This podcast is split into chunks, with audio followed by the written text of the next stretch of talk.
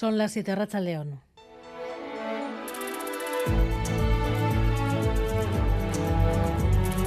Gambara con Arancha García. Son 42 de los 47 jefes de servicio y esta tarde han dado su versión del origen del pulso que mantienen con Osakidecha. Van a seguir con las concentraciones, pero al tiempo reclaman diálogo y cambios. Afirman que se están tomando decisiones que ponen en riesgo el futuro del hospital Donostia y que hay que revertir la situación a través del diálogo, no de la subordinación, y avisan que la crisis le puede estallar al Gobierno si no toma cartas. La relación de confianza no puede ser de subordinación cuando algunas decisiones son lesivas, que si no existe voluntad de diálogo, probablemente este problema eh, le estallará al Gobierno que sostiene a la consejera y la población. Esto tomará en cuenta las, las cuestiones. Se avecinan periodos electorales y yo creo que es realmente suicida para un gobierno, sea del color que sea, no atender a estas cuestiones. David Veramente, ¿qué piden? ¿Qué reclaman exactamente al Departamento de Salud? Sí, como decías, sin líneas rojas, han dicho 42 de esos 47 jefes de servicio del Hospital Donostia piden diálogo real para reconducir la crisis abierta en la OSI de Donostia Aldea. Diálogo sin imposiciones no, lo contrario, advierten, sería suicida para el gobierno vasco. Piden ser escuchados, eh, en concreto, la creación de una mesa consultiva donde ellos tengan voz. Ven cierto peligro de que se trocee la OSI de Donosti Aldea y ponen un ejemplo, la larga lista de servicios que en estos últimos años se han llevado desde aquí, desde Donostia hasta Cruces. Acusan de mentir a la consejera Sagarduy porque, según dicen, hay documentos que certifican que la decisión de llevar a Cruces el tratamiento de cáncer de peritoneo está ya tomada. La consejera ha recibido esta mañana el respaldo del Endacari del Consejo de Gobierno Gochones Agardo y comparecerá en el Parlamento a petición propia. El portavoz adelanta ya los argumentos. Y el relato que ha hecho la consejera Sagarduy tiene que ver con una serie de circunstancias que se han repetido a lo largo de los últimos tiempos, en los que las dos personas cesadas han mostrado su resistencia y su opinión diferente a la tarea que está desarrollando Saquedecha y a su forma de organización.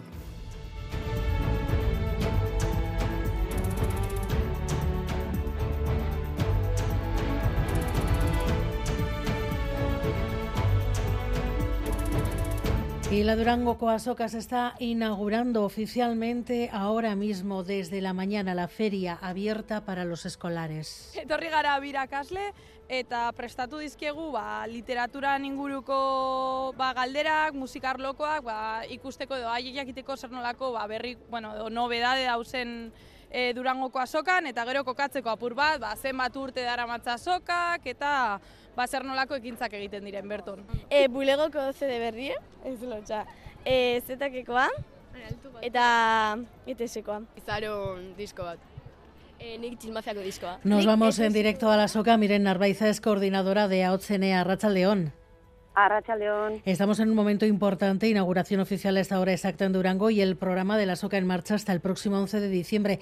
Estamos en la edición número 57 para AOTCNEA, la número 15 aniversario tras unos años complicados por el COVID, así que este año toca celebrarlo, disfrutarlo. ¿Cómo van a celebrar estos 15 años? Pues estupendamente. Eh, la verdad que estar en una soca, en una feria eh, con total normalidad ya nos hacía falta y, y, creo que todo no ha llegado, que ha llegado en el mejor momento. Sí, sí. Es difícil resumir el programa y actividad de forma ininterrumpida desde las 11 hasta las 10 de la noche. La agenda cargada. Ahora mismo, ¿qué podríamos encontrar en AOCNEA?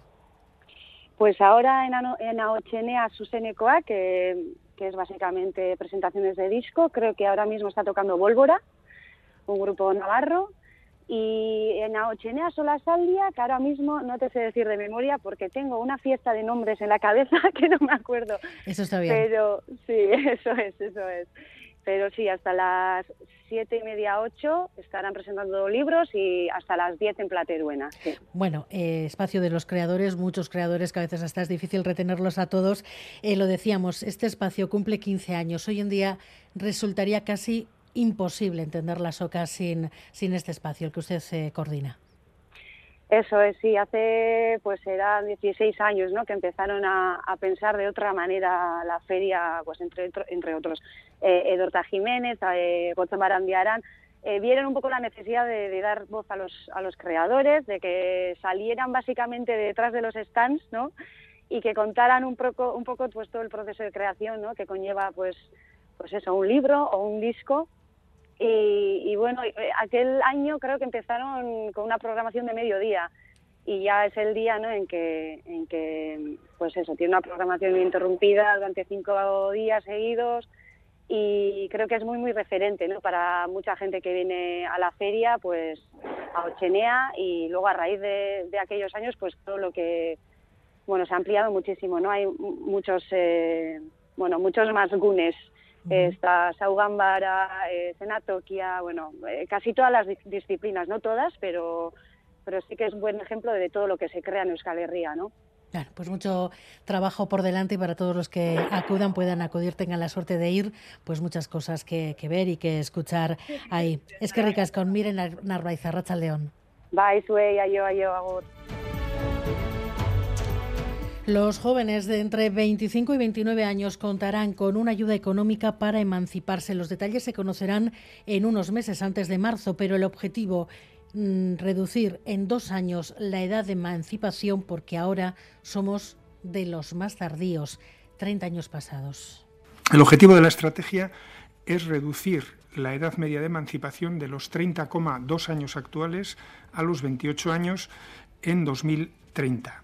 Alemania, entre tanto, sigue investigando la trama ultraderechista que planeaba un golpe de Estado. De momento hay 25 detenidos en una macrooperación en 11 estados. Vamos a abrir línea con Berlín enseguida para que nos tener todos los datos y nos vamos a detener también en una realidad que creíamos superada, los chocos que prohíben la entrada a las mujeres. Sigue pasando. Curechoco de Bilbao es un ejemplo. Hay socios que llevan tiempo tratando de cambiar los estatutos y por eso han recurrido a Emacunde. Mientras tanto, la entrada a las mujeres vetada también cuando nuestra compañera Olacha Riola Bengoa trataba esta mañana de hacer su trabajo. Vosotros sois testigos directos de que vuestra compañera redactora no ha podido entrar a esta sociedad precisamente porque lo impiden estatutos y me supondría una sanción.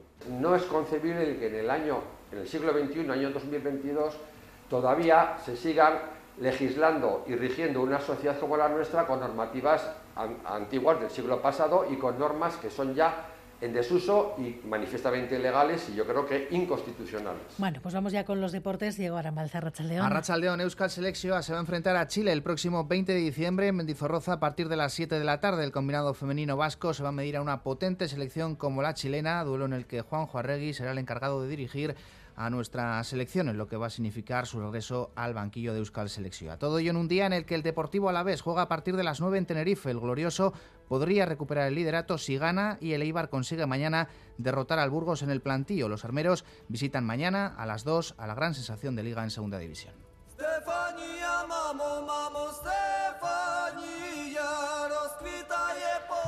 Ucrania ganó Eurovisión con esta canción y hoy se han llevado el país y su presidente Zelensky el reconocimiento como persona del año de la revista Time. La realidad es que el apoyo occidental a Ucrania va más allá del soporte económico y militar, también en lo anímico, podríamos decir, lo que colaboró indudablemente en que esta canción que escuchan fuera la vencedora de Eurovisión representando a Ucrania. Es por eso que no resulta demasiado sorprendente que hoy la prestigiosa revista Time haya escogido a Volodymyr Zelensky como persona del año y la publicación también ha querido rendir homenaje al espíritu de Ucrania. Time destaca que no había demasiado en la biografía de Zelensky que ayudara a predecir su resistencia y su lucha, pero subraya que el presidente ucraniano ha mostrado capacidad de adaptación y que ha rendido bajo presión. Zelensky sucede, por tanto, a Elon Musk en el palmarés de este título honorífico de persona del año. Y por cierto, el otro reconocimiento de esta publicación, el de Héroes del Año, se lo llevan las mujeres de Irán. Miguel Ortiz y Alberto